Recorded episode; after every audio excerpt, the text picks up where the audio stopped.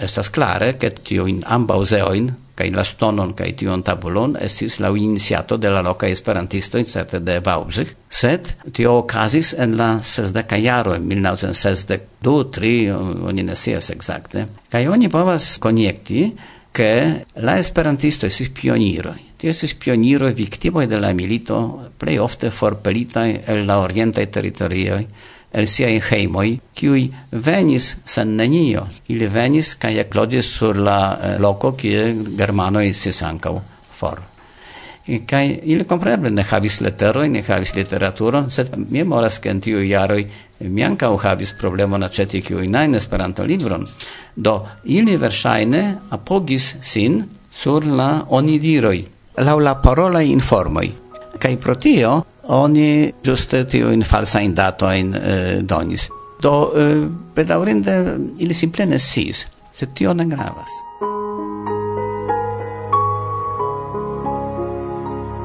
Do, estas tute certa afero che Ludovico Zamenhof scribis sian paroladon por Krakovo en Bad Salzbrunn, nun Stavnosdrui, char en alia letero de Bad Salzbrunn, kiun li sendis al generalo Zeber, li informas che li kun sendas sian projekton de sia parolado en Krakovo kun da peto che la generalo eh, faru iun correcto in kai esprimu sian opinion. Do, paroladon, kiun li poste presentis eh, en Krakovo dum la Universala Kongreso. Estis la oka Universala Kongreso de Esperanto, ĝi estis jubilea okaze de la dudek kvin jaroj de Esperanto, kaj tiam li diris en sia parolado interalie jenajn vortojn. La nona congresso estas la lasta en kiu vi vidas min antau vi. Poste, se mi povos veni, vi ne plu vidos min antam, sed ciam inter vi.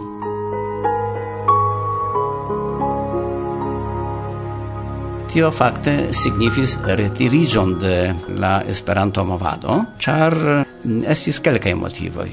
La unua, eble la plej grava estis tia, ke li komprenis, ke post dudek kvin jaroj de ekzisto de Esperanto, la lingvo jam estas suffice matura cae gi ne plu bezonas eh, intervenoi de sia creinto.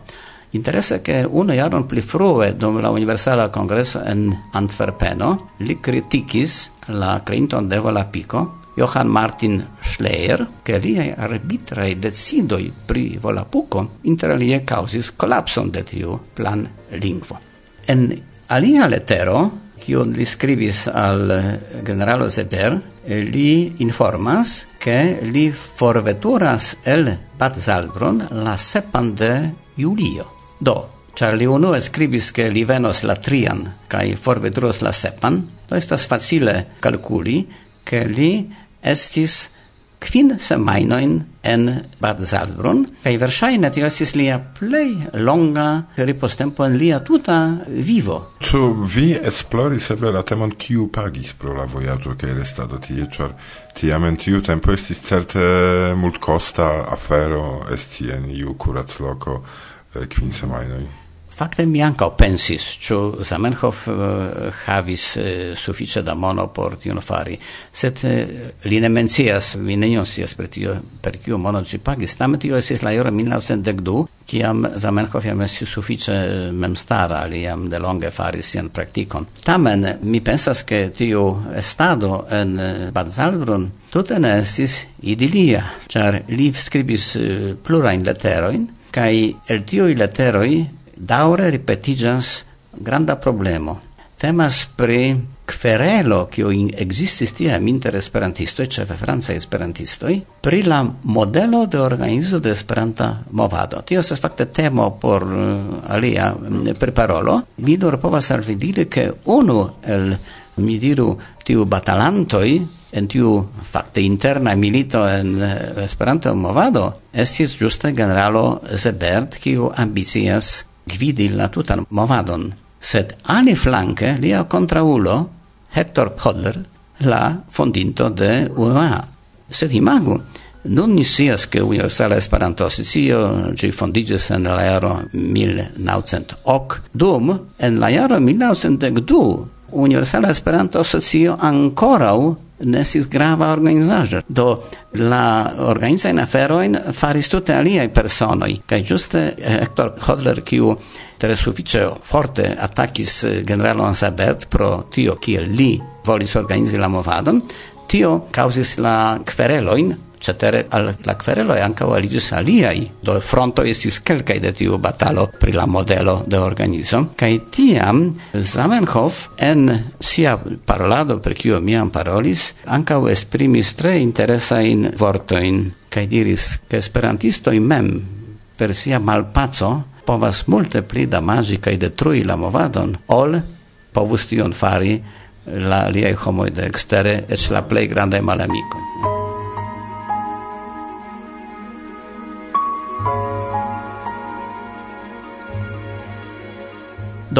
Zamenhof atentigis pri la miskompreno interne de la movado. De kio mi konas tiam? Do tio estis simple aktuala afero, sed ali flanke mi nun eh, legas historion de UEA, doktoraj tezo de signoro Sikok, kaj mi rimaskis, že estas treege interesa, do oni legas foigil kriminala romanon, kaj tio signifas, ke Se esperantisto estus verai pacai batalantoi, kiu neniam querelas, tiam la historio si tre nua. Dum, do bedaurinde, dank tiui problemoi, kiui ciam, tio internai quereloi, kiu existas esperanto movado, no, danke al eh, signoro Sikop, mi exis, ke esperanto eh, movado havas tre interesan historio.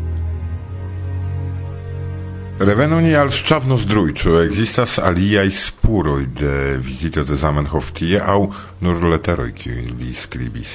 Do e, jes, la e, jaro de kuno li subite komprenis ke ja proximizas jubileo, jubilea jaro. Kaj la loka esperantistino Elżbieta Stinkowska aranżis al ni audiencon ce la urbestro Tadeusz Vlaźla klinomidzas. Li akceptis nin, Teresa Pomorska prezentis li proponon iel celebri tiun centjaran jubileon, kaj li multe entuziasmicis. Ne nur entuziasmicis, sed nur proponis sian financan helpon. Tiu financa helpo inter alie estis, ke li mem pagos la memortabulon, sed ancau subvencios filmon pri Ŝafnosdruj en Esperanto kaj kelkajn aliajn aferoin. Kaj tio bonege funkciis. Krome ni ligis kontakton kun la asocio de amikoj de Ŝafnosdruj, kies estrino estas Ivona Czech. Kaj tiam ekestis la demando, kiun mi ne solvis pli frue, ke Zamenhof en sia letero skribis, ke li loĝis en en la vilao Waldfrieden. Waldfrieden signifas mm, la arbara paco. Kai ni komenci serci, kiu estas nun la vilao, kiu antave nomiĝis Waldfrieden. En unu loko ni trovis fakte ne vilaon, se tutan sanatorion, kiu nomo estis zacise, kai ankaŭ in la arbaro. Mi speble pri tio temis. Sed la problemo estis, ke tiu sanatorio ne interesa por foti. kai mi lasis la aferon, kai sekvan jaron, se la 2011, mi kontaktiĝis con signorino Ivona Czech kaj demandis ĉu vi havas iujn mapojn malnovajn? Kaj ŝi diris jes. Kaj ni venis kaj ni rigardis kaj subite ni trovis en la malnovaj mapoj la nomon de vilao Waldfrieden. Ĝi ne estis klare, oni ne povis ĝin fiksi ekzakte, sed pli malpli estis iu urba regiono, kiu oni povis serĉi. Mi sola foje kaj rigardis unu vilaon, la alian, oni tutte nenion sciis, nenion capablis diri. Finfine estis uno la plei bela, kiu al mi placis por foti. Kaj tiam mi rigardis, che en la barilo troviĝas iu elmontrejo, informo pri preso in catil plu, kaj subite mi vidis, che estas malnova bildkarto, estas giusta la sama vilao, sed appena videblas nomo Valtrin.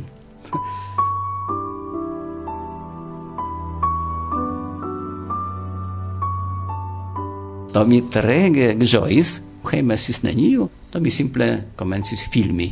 Kaj subite enveturis automobilo, kaj tiu automobilo eligis signorino, kaj si demandis min, pardonu, kion vi faras ĉi tie? Kaj ĉar mi estis certa, ke temas pri la vilao en kiu eh, lobiĝis Zamenhof, do mi diris, jes, bonan tagon, mi estas tiu kaj tiu, sed mi havas al vi demandon. Ĉu vi scias, kiu estis Ludovico Zamenhof? Kaŝir, jes, mi scias, Litva patrujo mia simila al Sanavia granda valoro. Tiam jes no finfine mi trovis homon kiu ĉion sias. Si prezentiĝis, estas Ivona Bucka, posedantino de tiu vilao, sed pri tio ke Zamenhof loĝis en tiu vilao, si nenion sciis. to si dexis de ni. Postio mi faris la laboron de skolto, do mi iris laŭ la spuroi inter Waldfrieden kai la vilao, kiu nomigis Franciszek. Nun, poste mi rigardis en interreto kai mi trovis. Do, mi ne devis esi scolto se simple rigardis. Tamen, se mi rigardis tui en interreton, mi ne havus tile intereson historion por racontis. kai nun, kial Franciszek?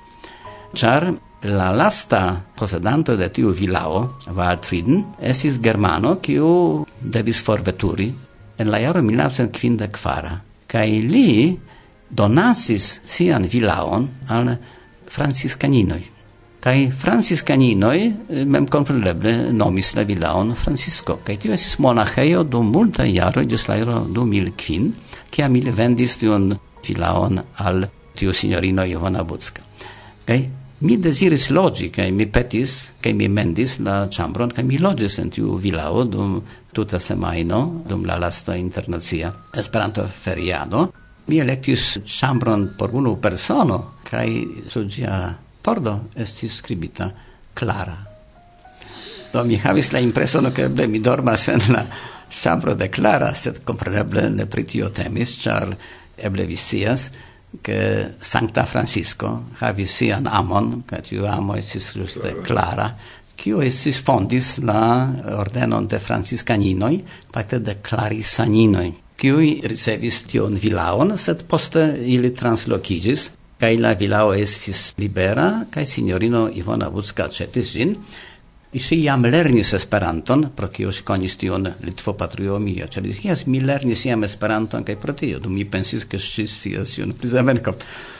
Do si tre ĝojis kaj akceptis la proponon pri la tabulo, ĉar tio donas reklamon kaj ŝajnas al mi ke ŝi ankaŭ influis multe la urbestron kaj efektive la ciara internazia Esperanto feriado, giuste gia comenzo de cio estis marŝirmo de la tabulo, ki estis jam bele preparita, iam troviĝis sur la eh, muro, kaj cetere du esperantistino el Toruń Teresa Nemere kaj Maria Pokrzywnicka gladis eh, la stofon, verdan stofon, kaj gin fixis sirmis la tabulon, kaj kiam venis amaso da homoj, ĉar eh, ĉiuj partoprenantoj, imago esis sesdek sep partoprenantoj el dek landoj. Kaj krome venis multaj gastoj de la urbo kaj kurac gastoj, kaj tiam signoro urbestro cune kun presidentino de Silesia Esperanto Asocio malŝirmis kaj imagu eksonis la espero kaj ĉiuj tre bele cantis tio estas tre interesa afero. Ĉiuj havis eh, cetere folio in teksto kaj estis por mi mirinde rigardi eh, kiel Teresa Pomorska la presidentino, con la urbestro Tadeusz Vlaśnek, rigardante kiu rigardis la texton, cantegis laute la esperon. Kaj mi diris, no vidu, jes kiel pasas generacioj, kiel unu generacio povas doni al la alia generacio. Tiu unua generacio de la pioniroj, kiu faris kun falsaj datoj, ŝtonoj, sed ili laboras sistrege gravas, ne? Poste la internacia Esperanto-fariado kaj nun mi ekscias kun granda ĝojo, ke tie la afero estas daŭrigata de la junularo.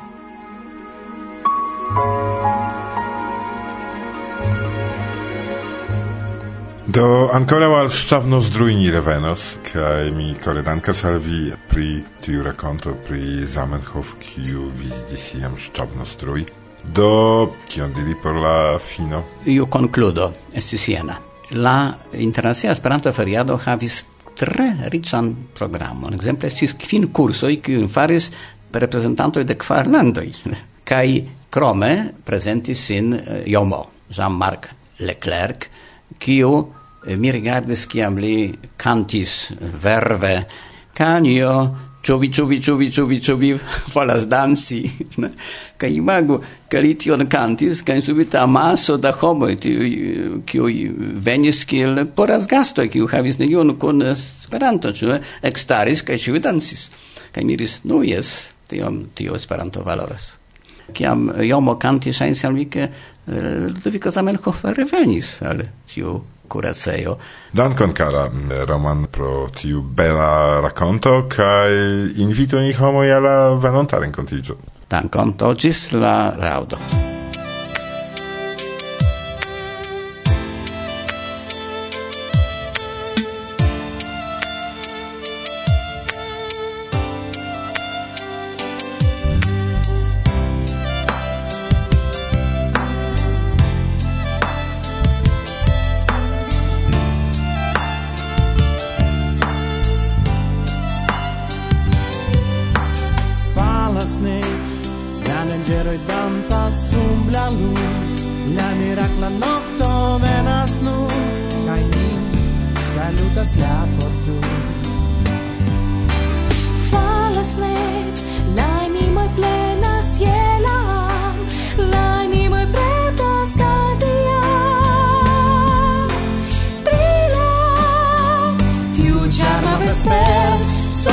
如果你。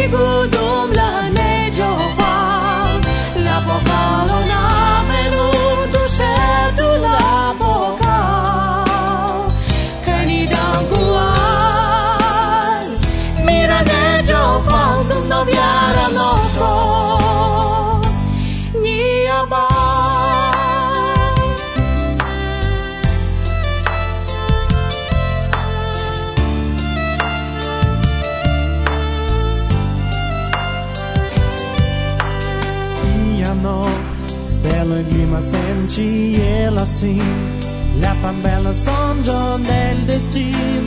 Tentas mi vocas mi.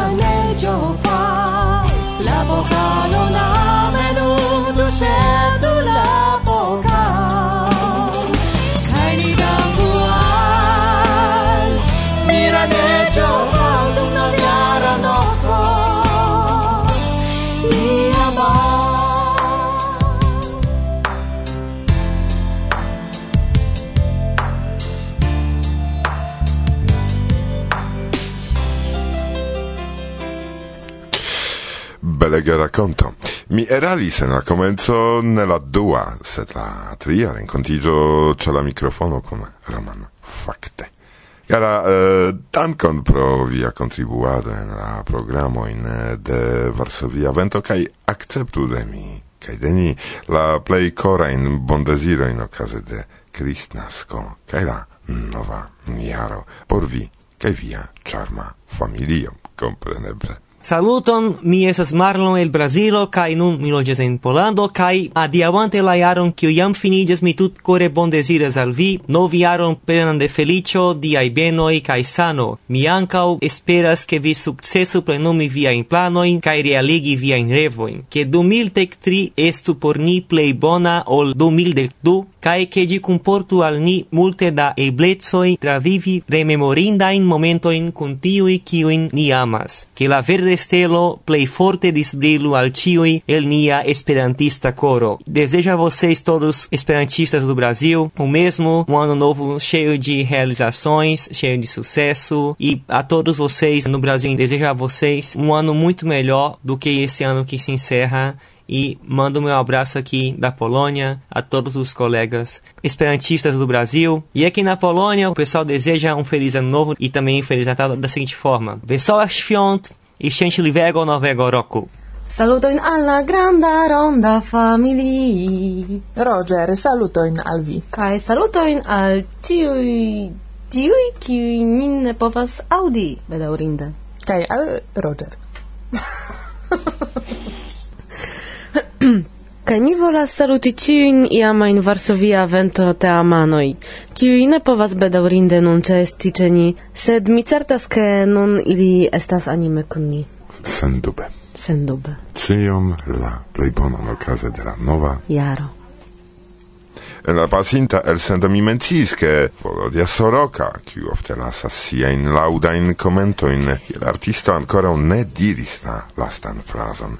Do Ien exemplo. Se vivo vi ne sciis, amon dolcen kaj doloran, se por vigi ne radis, ne posedis vian koron.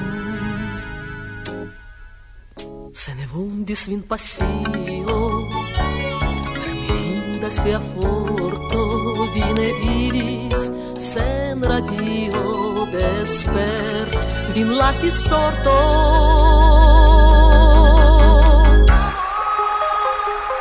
Kiu ĝin ne sciis kaj en kies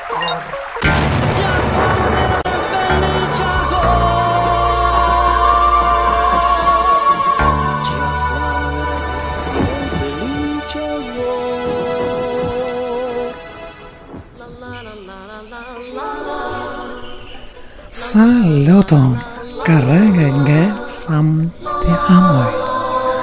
Certe ankaŭ mi ŝategas gratuli ĉiujn esperantistojn, de fakte ĉiujn vin, kiu aŭskultas tiun ĉi elsendon kun alproksimiĝantaj plej amoplenaj vintraj festoj.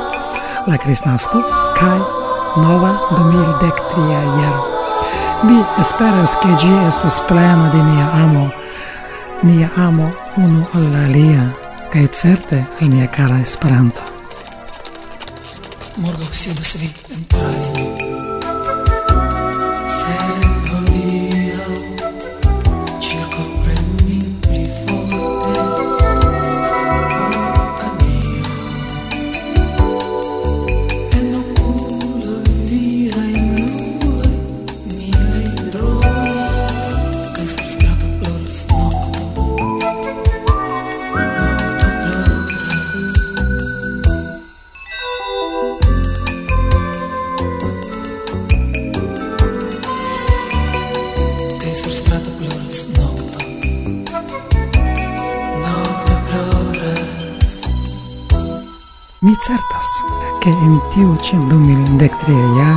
Min atendas neimageble aventuroj, ne nur kongresoj, tendaroj, renkontiĝoj, sed io multe pli neordinara, io ligita kun viaj propraj flugiloj, kun via propra la inspiro.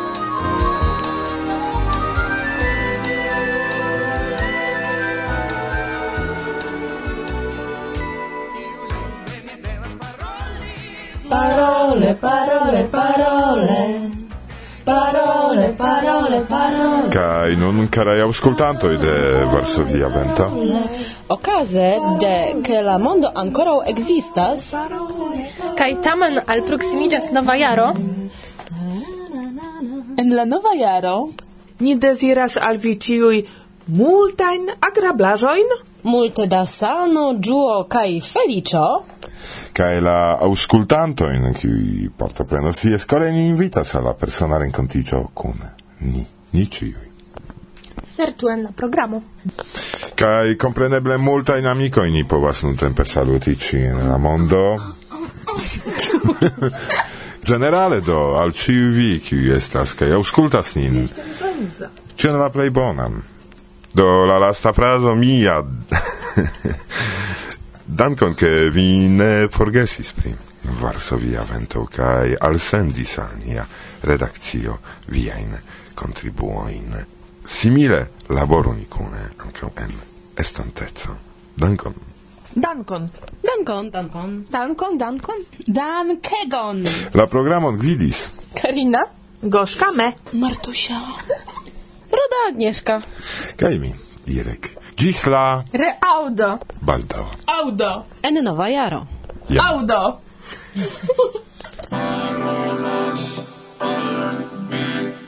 solo trone. Felician novan jaron.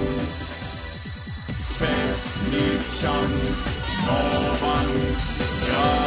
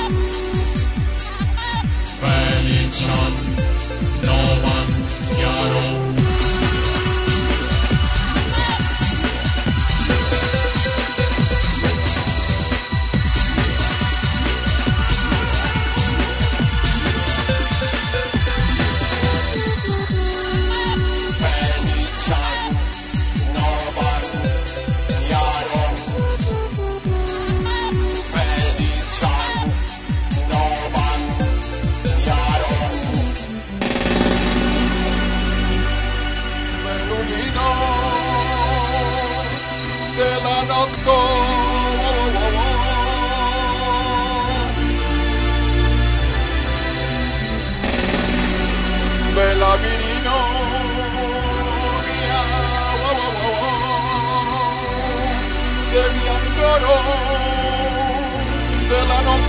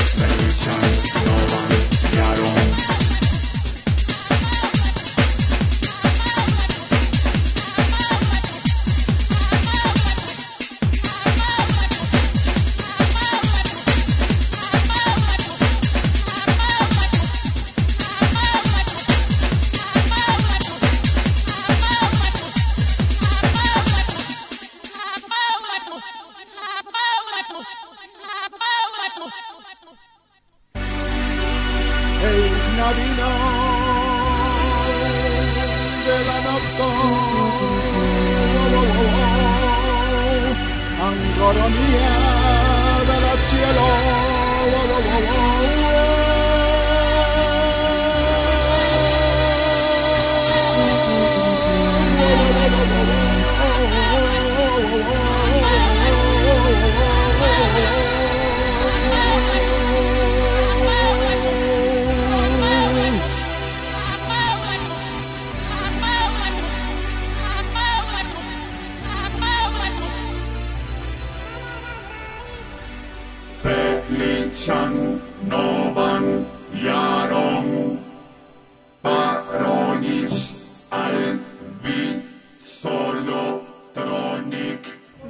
Via Vento.